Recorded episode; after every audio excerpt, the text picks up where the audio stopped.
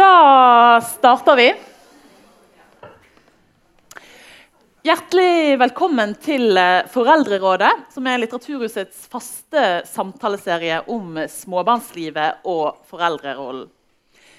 Til nå har vi snakket om søvn, om søsken, om barseltiden, om det å være syk foreldre og om parforholdet med mer. I dag er temaet alder og moderskap. Alder, er det bare et tall, eller får det større konsekvenser for foreldrenes liv og barnets liv?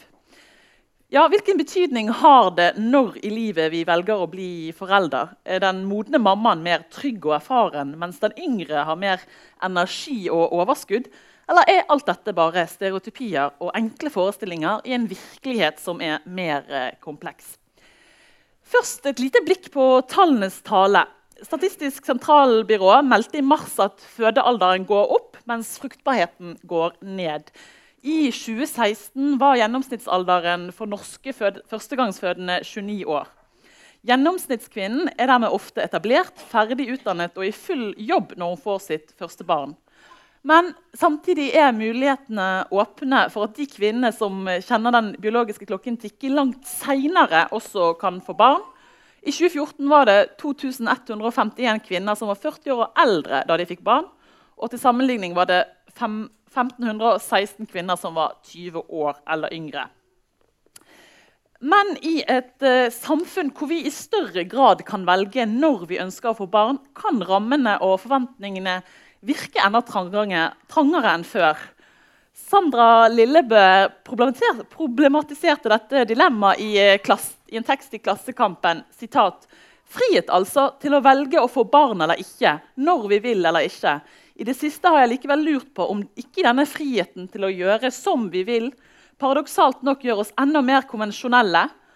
For mens Anna Rasmussen, bedre kjent som mammaen til Michelle, får pes for å få tre barn før hun fyller 20, slipper min single venninne på 39 ennå ikke unna maset om at hun burde bli gravid. Selv om hun ettertrykkelig har sagt og det i mange år, at hun slett ikke ønsker seg barn i det hele tatt. Når alle kan gjøre som de vil, blir det rett og slett noe suspekt over dem som faktisk gjør som de vil, og ikke som alle andre. Men i dag skal vi ut av statistikken og ned på individnivå. Vi skal møte to kvinner som har førstehåndskjennskap til det å få barn tidlig og seinere i livet, og som ikke har gjort som alle oss andre. Jeg er veldig glad for å ha med meg Iris Tveten, til vanlig er du rådgiver i Høyres stortingsgruppe. Nettopp ferdig med permisjon med ditt andre barn. Men den fremste grunnen til at du ble invitert, er at du fikk ditt første barn da du var 21 for fem år siden. Hjertelig velkommen.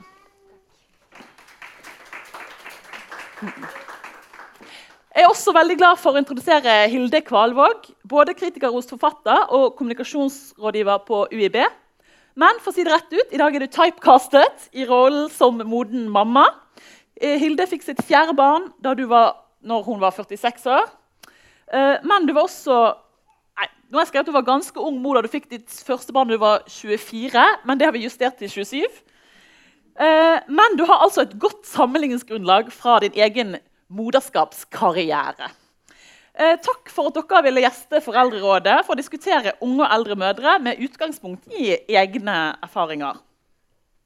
Jeg tenker Vi begynner med deg, eh, Iris. Du fikk ditt første barn da du var 21 år.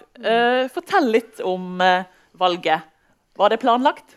Eh, det var ikke helt planlagt, men det er jo klassisk å si da, når man er så ung og blir gravid, at uh, det var ikke slik vi hadde sett for oss livet.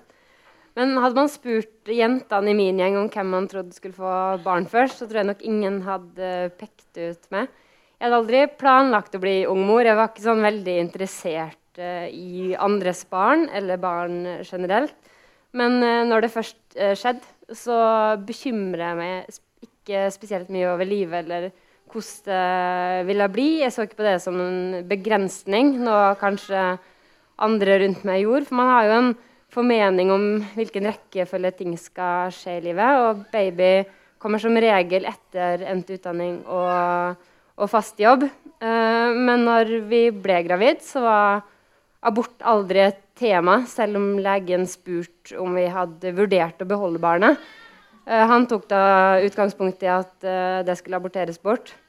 Eh, men vi valgte å beholde det og fikk en fantastisk flott datter. Og aldri angra på det. Men vi spør jo hverandre ofte sånn Ja, hvordan tror du livet hadde vært hvis vi ikke hadde fått barn som 21 og 24, som kjæresten min var? For vi har jo venner som er slutten av 20-åra med double income, no kids og leve livet.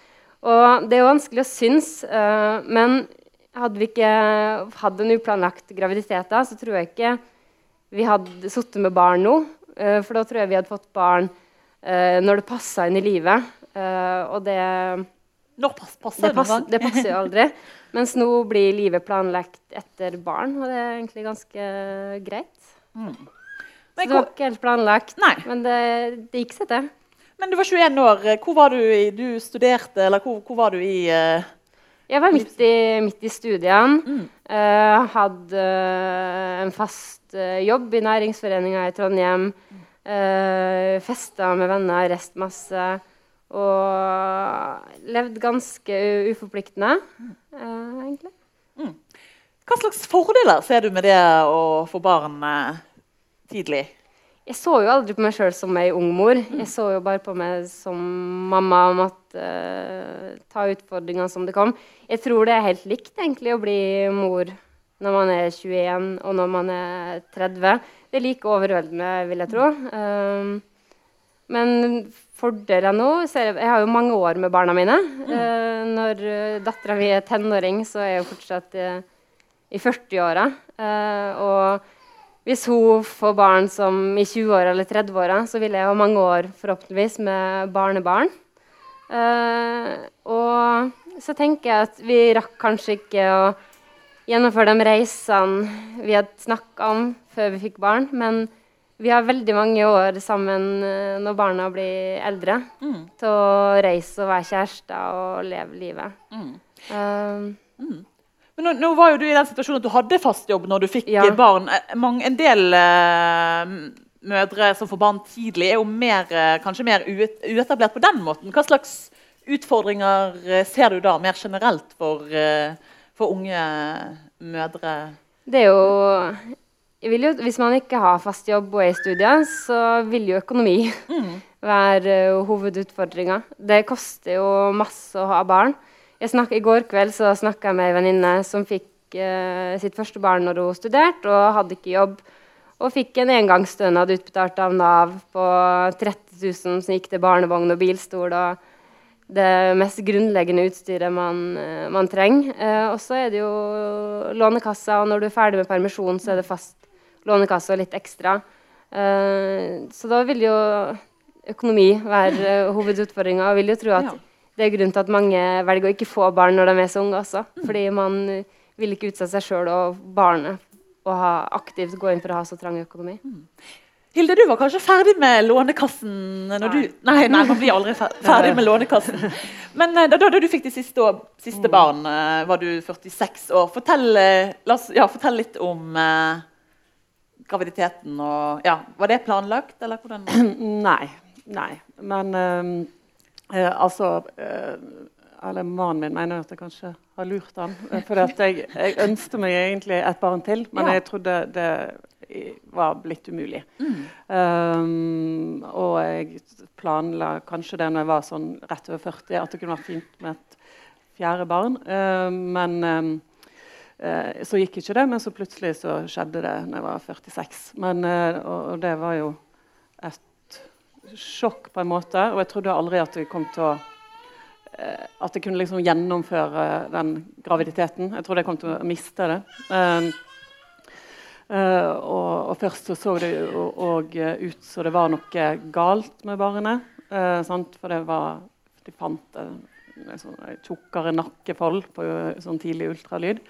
Så da måtte jeg vente på, på det svaret. Og, så da eh, ja, hadde jo en del sånn kjipe tanker i den perioden. Og tenker jeg, altså, nå har du satt deg sjøl i denne situasjonen at du kanskje må ta et veldig tungt valg, eller kanskje få et sjukt barn. da. Sant? Eh, For, ja, sa ja, så gammel som du er, så er det, det en tredjedels sjanse for at dette barnet har Downs. Men så var det jo ingenting galt med ungen, så, og, som da skulle bli en liten gutt. Så det var egentlig veldig lett være gravid. Mm. Og eh, jeg syns at, eh, at liksom, ja, For min del så, så jeg er jeg ikke så veldig opptatt av økonomi. Eh, altså jeg, jeg, trenger ikke så mye penger. og jeg, ja, Det har på en måte jeg har det liksom helt greit. Men eh, men jeg hadde jo jobb, da. 50 i tillegg til å være forfatter. Så, eh, så jeg syns på en måte det var, eh, det var fint. Men det var, det var, jo mange som sa ja, dette her er jo ganske vilt. Så jeg følte liksom at, at folk tenkte liksom Jøss, er du litt sprø som skal få et barn når du er så gammel? Mm. Ja, hva, ja, hva andre tilbakemeldinger fikk du fra omgivelsene? Ja, eh, nei, altså Mannen min syntes f.eks. at det var en forferdelig dårlig idé. Eh, og, um, så det var jo litt eh, men hvorfor, hvorfor, det? Fordi dere hadde nei, ja, tre barn? eller Ja, og, ja, og så tenkte at, uh, at det kunne være noe galt med barn. Og, og, han hadde vel sett for seg at nå skulle vi gjøre alle de tingene vi ikke hadde fått tid til med alle de andre. Så, um, men ellers så var det jo sånn at uh, når barnet ble født, så, så var det f.eks. noen helsepersonell som sa til meg ja, ja, jeg vet ikke om jeg skal si gratulere eller kondolere. Nå begynner du liksom på, på nytt igjen her. Sant? for den, den, yngste av de andre var jo tolv år, så, og den eldste var 18. Ja. Ja. ja. Det, er jo interessant. altså Både Iris uh, nevner liksom reaksjonene fra forventningene om at en ung mor eh, får tilbud om abort, mens, altså, mens, ja, mens du får den reaksjonen altså, Til og med da i helsevesenet så får mm. man en tilbakemelding på, på alder. Altså, hvorfor, hvorfor, tenker dere at det er sånn? Altså, jeg tenker at uh, Norge er jo litt sånn trangt uh, samfunn. Uh, og, og, det er ikke altså, Min tippoldemor fikk jo f.eks. barn når hun var 45. Før var jo det helt vanlig. Men nå det er liksom alt som er litt utafor boksen blir jo på en måte litt suspekt. Og, og kanskje litt sånn gamle det, og stakkars. Eh, sånn som ei hun som tok ultralyd, sa ja, jeg hadde så gamle foreldre. Det var bare så kjipt. Og ja, hvor gamle var de da? Nei, de var 30 år eldre. Uff a meg. Eh, ja vel. Så, så, det blir liksom at du, at du må rettferdiggjøre det litt. Men faktisk har jeg syntes det har gått mye lettere enn jeg hadde trodd. Ja.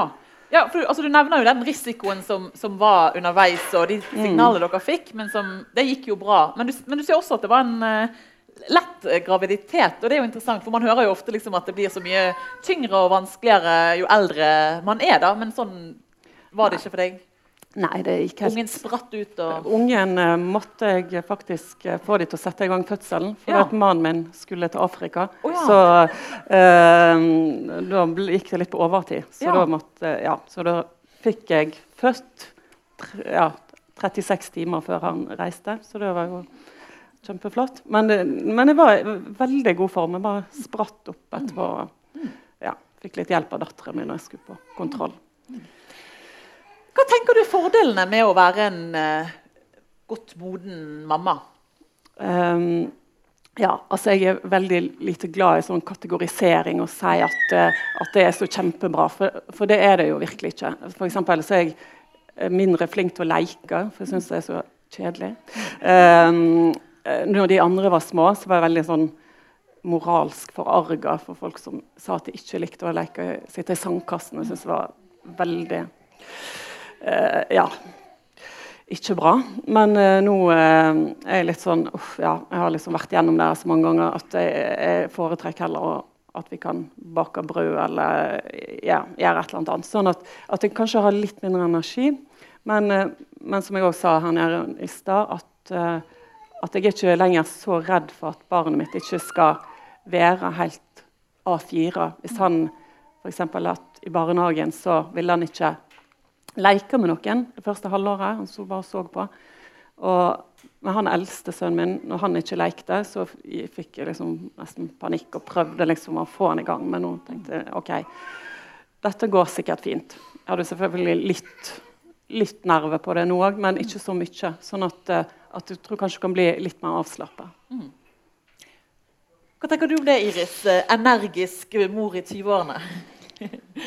Jeg vet ikke. Jeg tror det er like individuelt som alt annet. Jeg har ikke sånn sjukt mye energi sjøl. Takler ikke det å være våken om natta og er ikke noe glad i å stå opp. Så når vi med Pernille så gjorde jeg en avtale med mannen min. Og det var at så lenge jeg er nattdama, så skulle jeg stå opp uh, hver morgen. Og jeg skulle ta henne om natta. Men med en gang vi var ferdig med amming, så skulle han ta natt og morgen uh, resten av tida.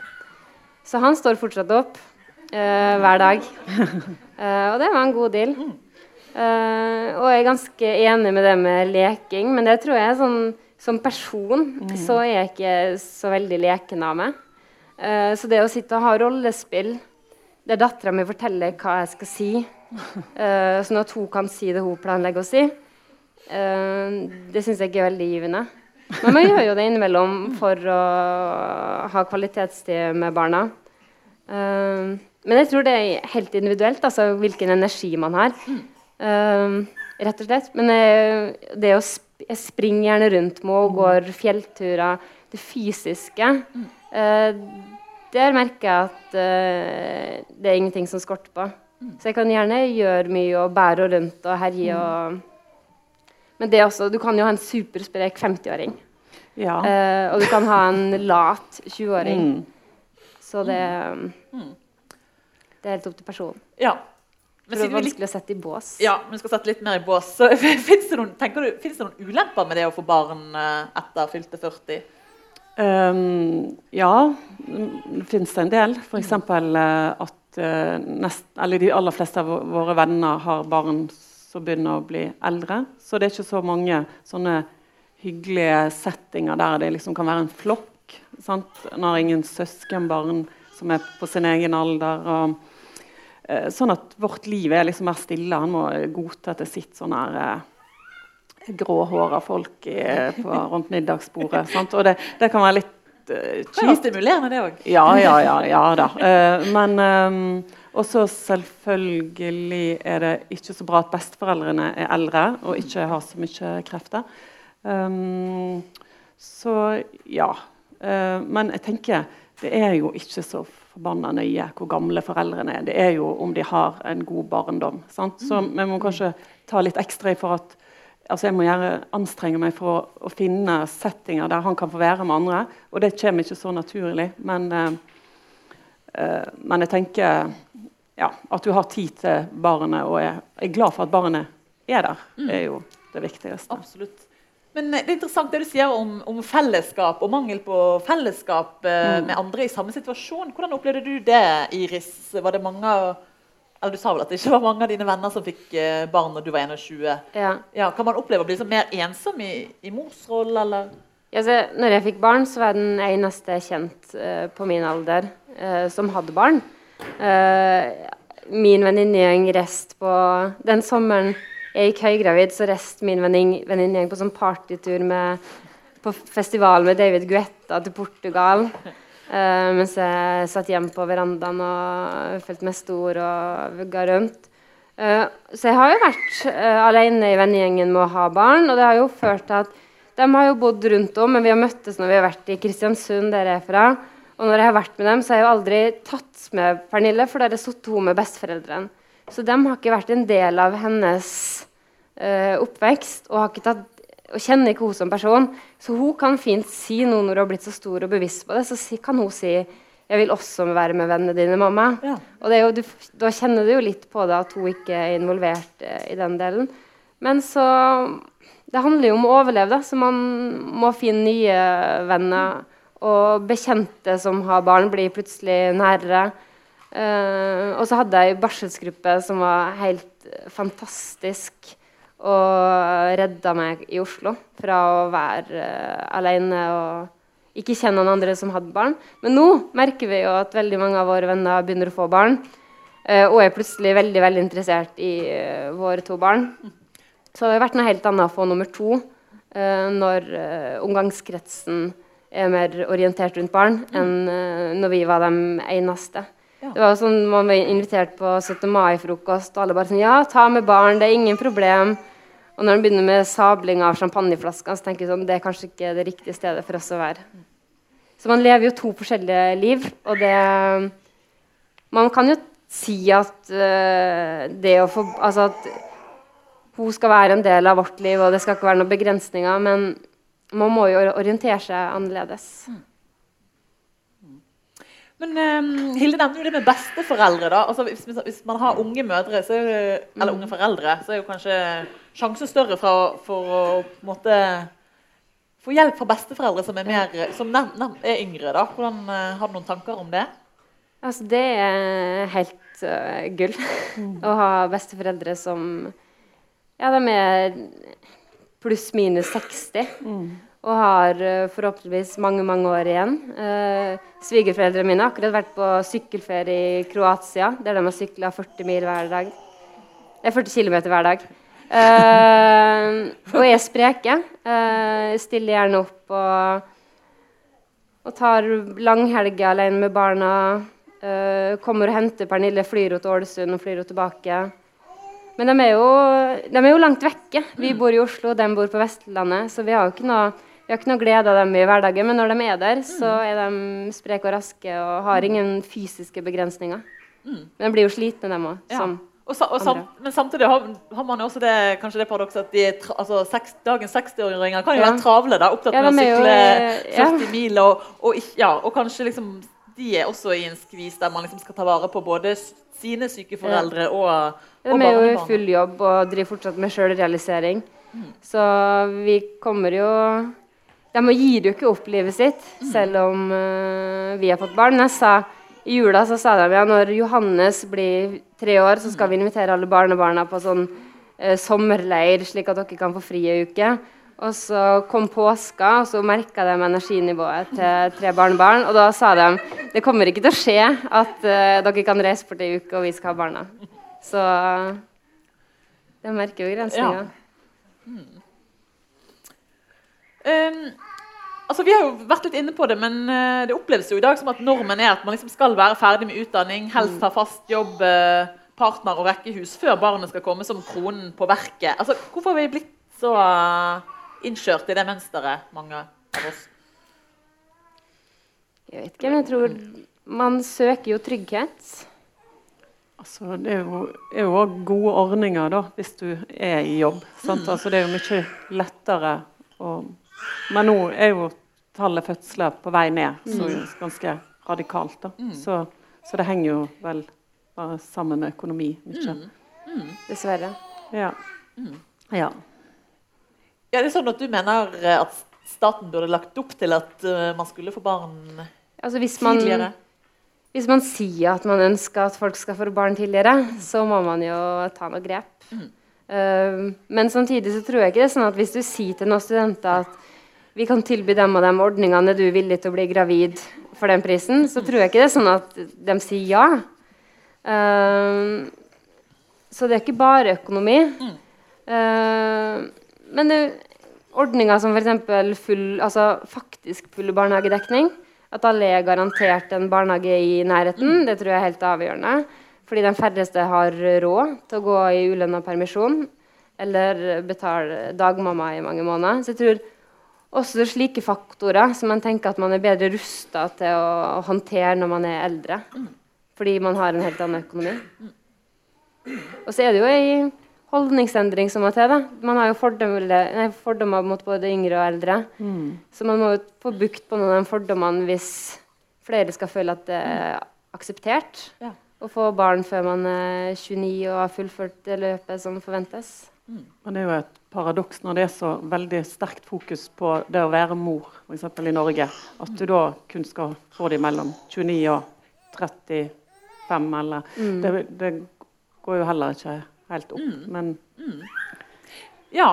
Og apropos mor, altså, det er jo interessant at det er nettopp unge og eldre mødre vi tematiserer her i dag. Altså, det er liksom mer snakk om mors ja, Unge mødre, TV-program. Mer snakk om morsalder. Hvorfor, hvorfor, snakker vi mindre om fedrene og, og deres uh, unge eller uh, ja.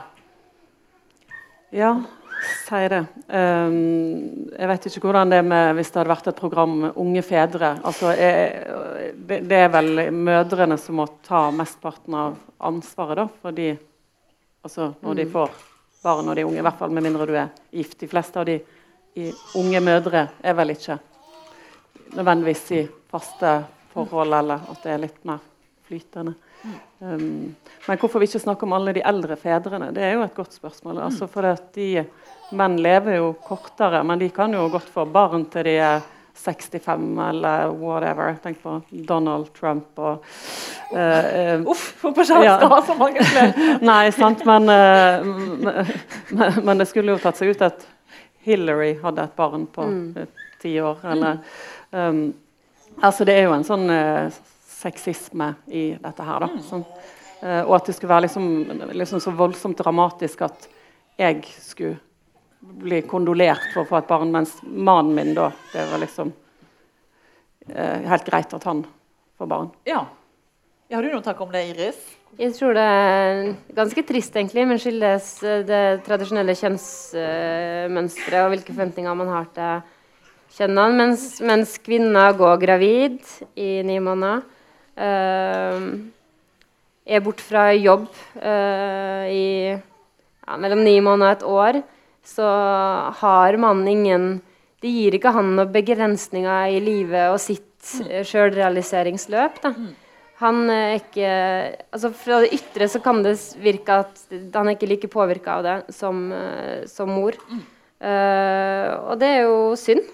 Men sånn som i vårt tilfelle, så var jo kjæresten min tre år eldre enn meg når vi, fikk, når vi ble gravide. Han var ferdig sivilingeniør og i fast jobb, så det var liksom ingen grunn til å ha fordommer mot han. Mens uh, jeg var midt i studieløpet mitt, og folk tenker kanskje sånn Ja, nå blir det ikke noe utdanning på henne, og hvordan skal det her gå? Gir opp livet sitt for et barn? Um, og det er jo ofte tilfellet at mannen er litt eldre enn uh, kvinna i forhold.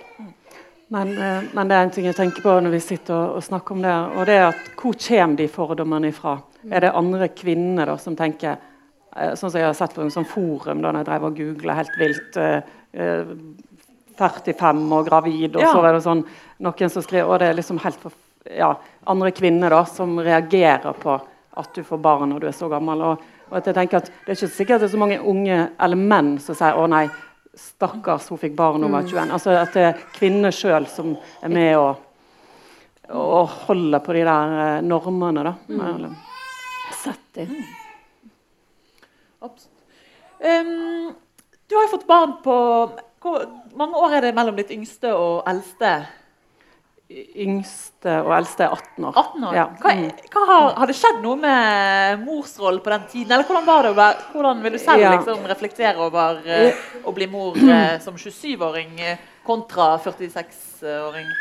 Altså, jeg tenker Allerede da på 90-tallet, han er jo født i 1995, så var det jo liksom normen at du skulle snakke veldig mye med barnet. Sant? Du skulle gå på sånn her trill ja, sånn her uh, sang på Pinocchio, det var veldig viktig.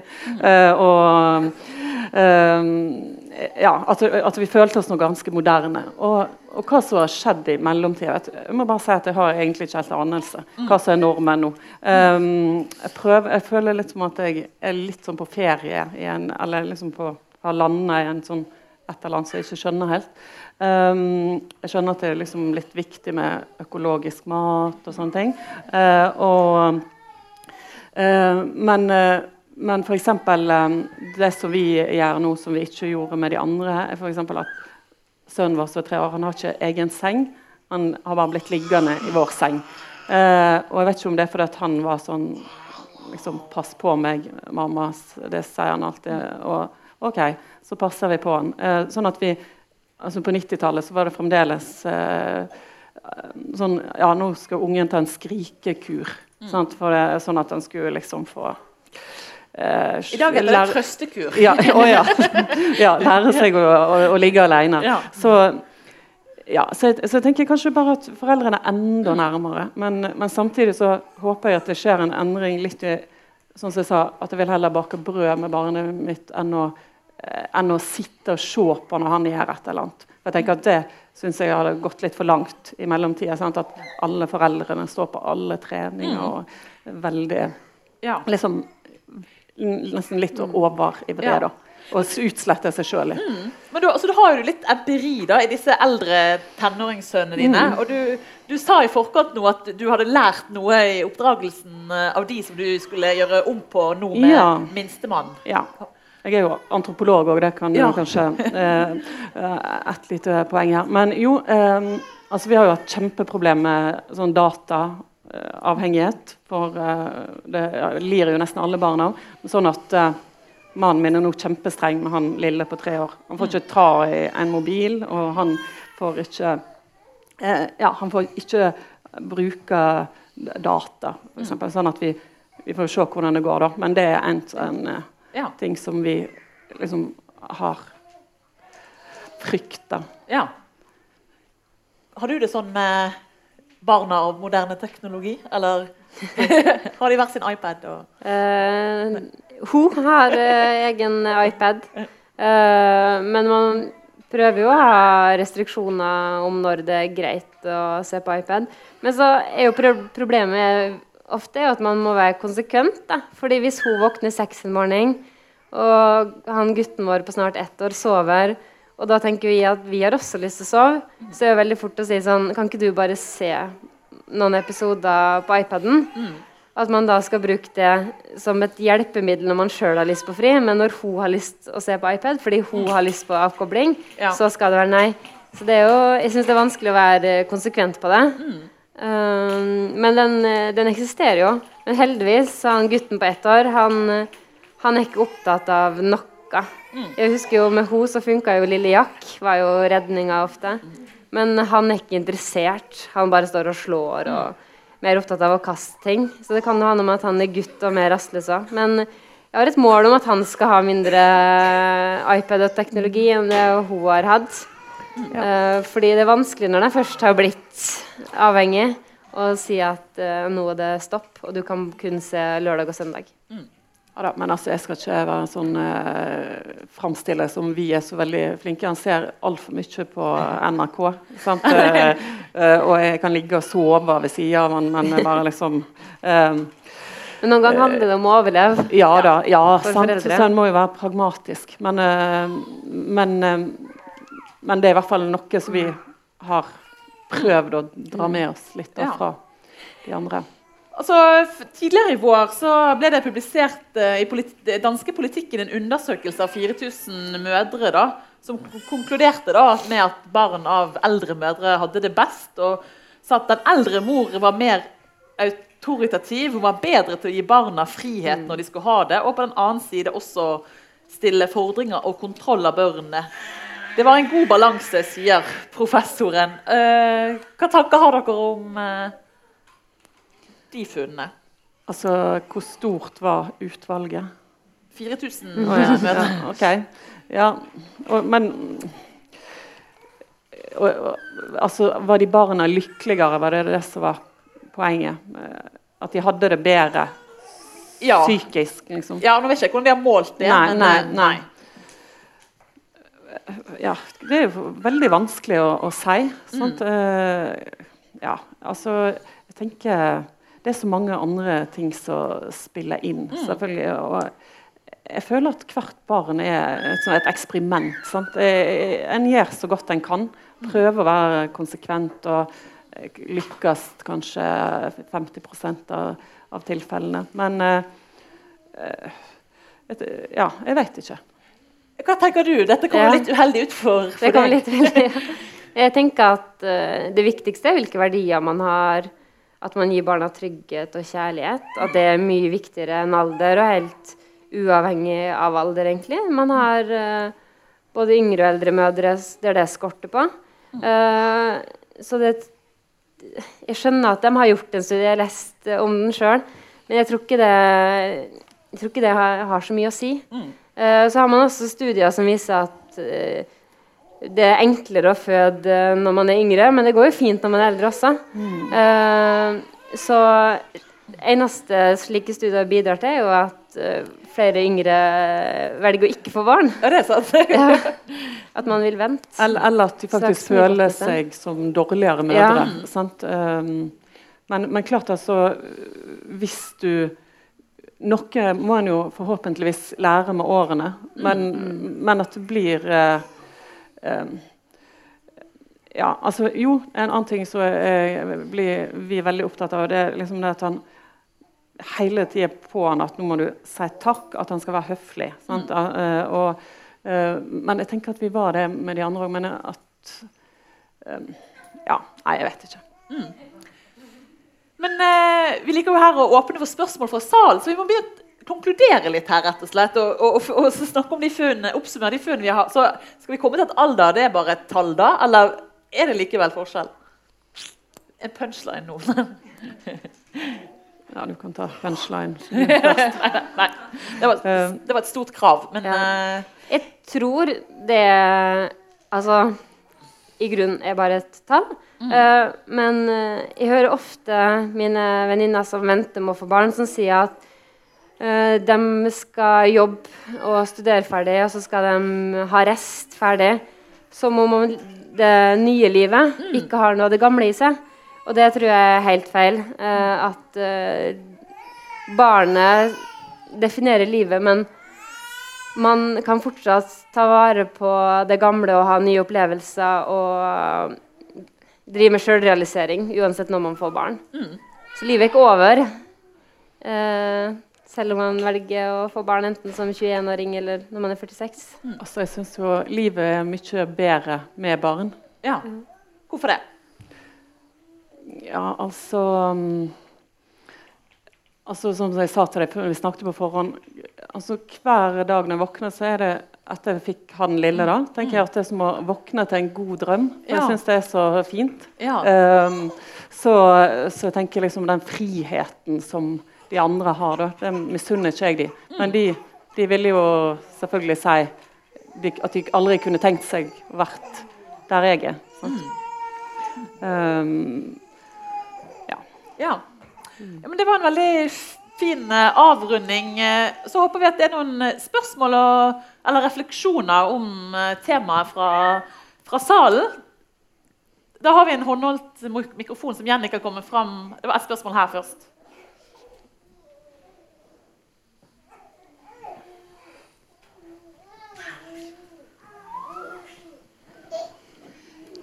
Takk for, eh, takk for kjempefin eh, samtale. Veldig interessant å høre på dere. Jeg lurte på om, eh, om dere kunne si noe om, noe om forventninger til dere som foreldre, som dere har møtt fra folk i omgangskretsen deres, eller fra, fra andre. Jeg har i hvert fall sjøl snakka med folk for eksempel, som har fått barn tidlig, og som har møtt veldig mye som har møtt veldig mye den holdninga. Hvis f.eks. de har uttrykt at de har vært slitne, så har de fått veldig den holdninga. Men ja, det skulle du ha tenkt på før, før du fikk barn. Eh, når du var 20, Nå er det ferdig med festinga. Eh, og jeg opplevde sjøl eh, da jeg uttrykte at jeg var sliten eh, da jeg fikk mitt andre barn som 36-åring. Men det er fordi du er så gammel. Det skulle du ha tenkt på før. Eller hva slags, eh, hva slags forventninger har dere blitt, og holdninger har dere blitt møtt med sjøl? Ja. Jeg kan starte. Uh, jeg følte Jeg fikk veldig ofte spørsmålet uh, om hva jeg gjorde på for tida når jeg gikk i permisjon med første. Av folk som var veldig vitende om at jeg akkurat hadde fått barn og gikk hjem i permisjon. Uh, og så brukte jeg alltid å svare at nei, jeg har akkurat fått uh, datter og hjem i permisjon. Men jeg følte alltid at det, altså det var ikke godt nok for dem. Uh, at De aksepterte ikke at det var det eneste jeg gjorde. Så jeg hadde jo et mål. Og det var sikkert pga. Eh, et press jeg følte, men om å ha full studieprogresjon mens jeg gikk hjem i permisjon. Uh, og det er et av de dårligste valgene jeg har tatt. Det var kjempetungt. Fordi jeg hadde konstant dårlig samvittighet enten overfor henne eller overfor studiene. Uh, og det Grunnen til at jeg, trodde, jeg tror jeg fikk det spørsmålet så ofte, var at jeg ikke hadde gjort ting i riktig rekkefølge. Jeg merker jo nå når jeg gikk i permisjon uh, som 26-åring, at jeg aldri har fått uh, spørsmålet og klart å slappe av mye mer av. Så den forventningene til meg og min sjølrealisering, uh, det ødela egentlig mye av den første permisjonen. Fordi jeg følte ikke det var akseptert at jeg skulle gå hjem og nyte tilværelsen uten å gjøre noe produktivt. Men forventningene som Jeg følte ikke noe spesielt som forventninger til meg som mor. Eh, egentlig ikke. Men jeg husker jo hvis jeg var hjemme i Kristiansund og skulle på andre juledagsfest med venninnene, så sa alltid mamma sånn Ja, men du skal kanskje ikke dra på nachspiel i dag. Så jeg følte jo at hun De la føringer på hva som var akseptert og ikke akseptert med livet etter barn. Men spesielt det med studio, at det å bare gå hjem ikke var nok. Ja. Jeg vet ikke hva jeg skal si med den forventninga. Jeg tror ikke jeg har, um, har, tenkt så mye over det, men, men, veldig mange sa jo liksom Orker du det der? Det, ja, de syns det bare virker helt forferdelig uh, slitsomt. Uh, men uh,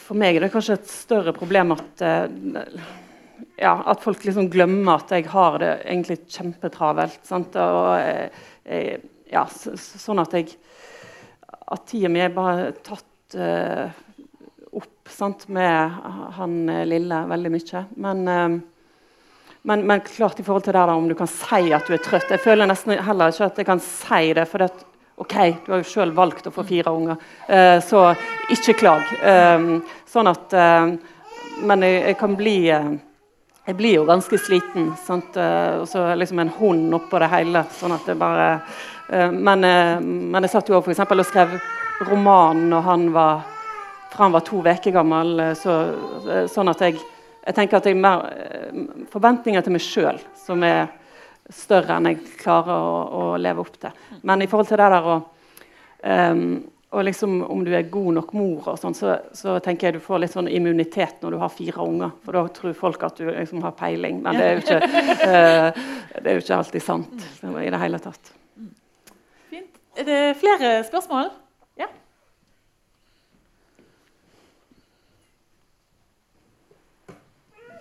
Veldig interessant å høre på. Jeg høres ut som jeg har vært på fest i fire dager. Det har jeg dessverre ikke med tre barn. Men det, jeg, det sa litt om det. Men det, det jeg tenkte på, er at her sitter jeg med minstemann. Jeg, jeg er 35, fikk mitt første barn da jeg var 29, så veldig på snittet. Og mine venninner har nå små barn. Sant? Jeg er her, og jeg vet at hvis jeg ikke har med meg bleie og våtservietter, så har hun bleie og våtservietter.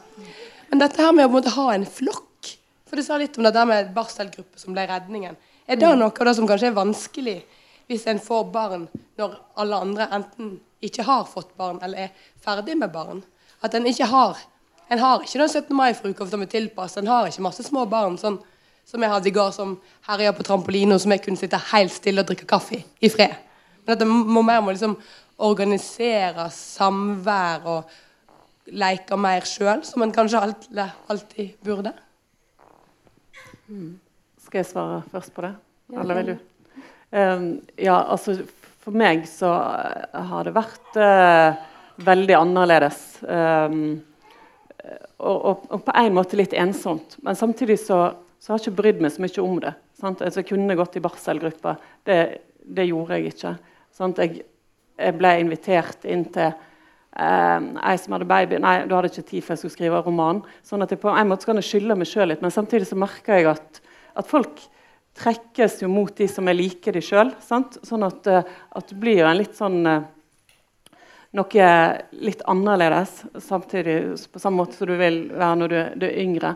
Sånn at, at, jeg kan savne det å ha den flokken. og selvfølgelig Hvis jeg får besøk av noen av mine venner som har store unger, skal jeg sitte og prøve å snakke med dem mens han lille vil være med meg. Eller, og jeg føler meg veldig dradd i to retninger. Mm. Så, så, det syns jeg kan være litt tungt. Altså. Ja, vi syns uh, det også var veldig vanskelig. Fordi vi var det stadiet i livet der alle vennene våre plutselig har flytta til Oslo fordi de har fått seg fast jobb og gjorde kule ting og levd innholdsrike liv.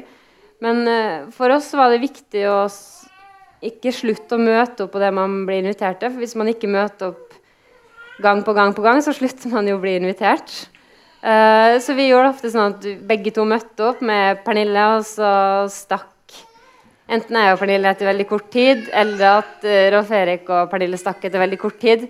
Så det var jo det var en lang periode der vi var veldig delt og gjorde uh, få slike sosiale ting sammen. Og da var jo den barselsgruppa var jo redninga, for da følte altså, Det var jo en sånn egen liten boble der jeg følte at uh, dem var mine dem var i akkurat samme situasjon. Uansett hva vi gjorde, så var vi sammen om det, og vi tenkte likt og følte likt rundt det. Um, og det merker jeg jo veldig stor forskjell nå, når jeg har et kjempestort nettverk der vi er i samme situasjon. Der vi kan møtes til middager, og for, da får noen sitte og spise, og så kan én ta seg av alle barna. Uh, og så bytter man på. Uh, så det um, Samholdet er veldig viktig, men man må jo bare passe på å ikke bli, altså, kutte seg helt fra den gjengen man er opprinnelig en del av, da, hvis man velger å få barn før eller langt, langt etter. Fordi da blir man kutta ut av det sosiale miljøet, og plutselig så er barnet så store og selvstendige, og da trenger man dem. Og vil være med dem. Så det må bli dratt i mange retninger. Men så får de barn sjøl, og så innser de at Shit, vi burde ha lagt mer til rette for dere. Hvordan klarte dere å være med på det? Uh, hvorfor takka dere ikke nei til mer? Da begynner de å forstå. Men da, et, da har jo vi større barn, og da de, treng, har de behov for mer tilrettelegging. Så de kommer jo etter. Det bare tar noen år. I vår situasjon, i hvert fall. Flere spørsmål eller tanker?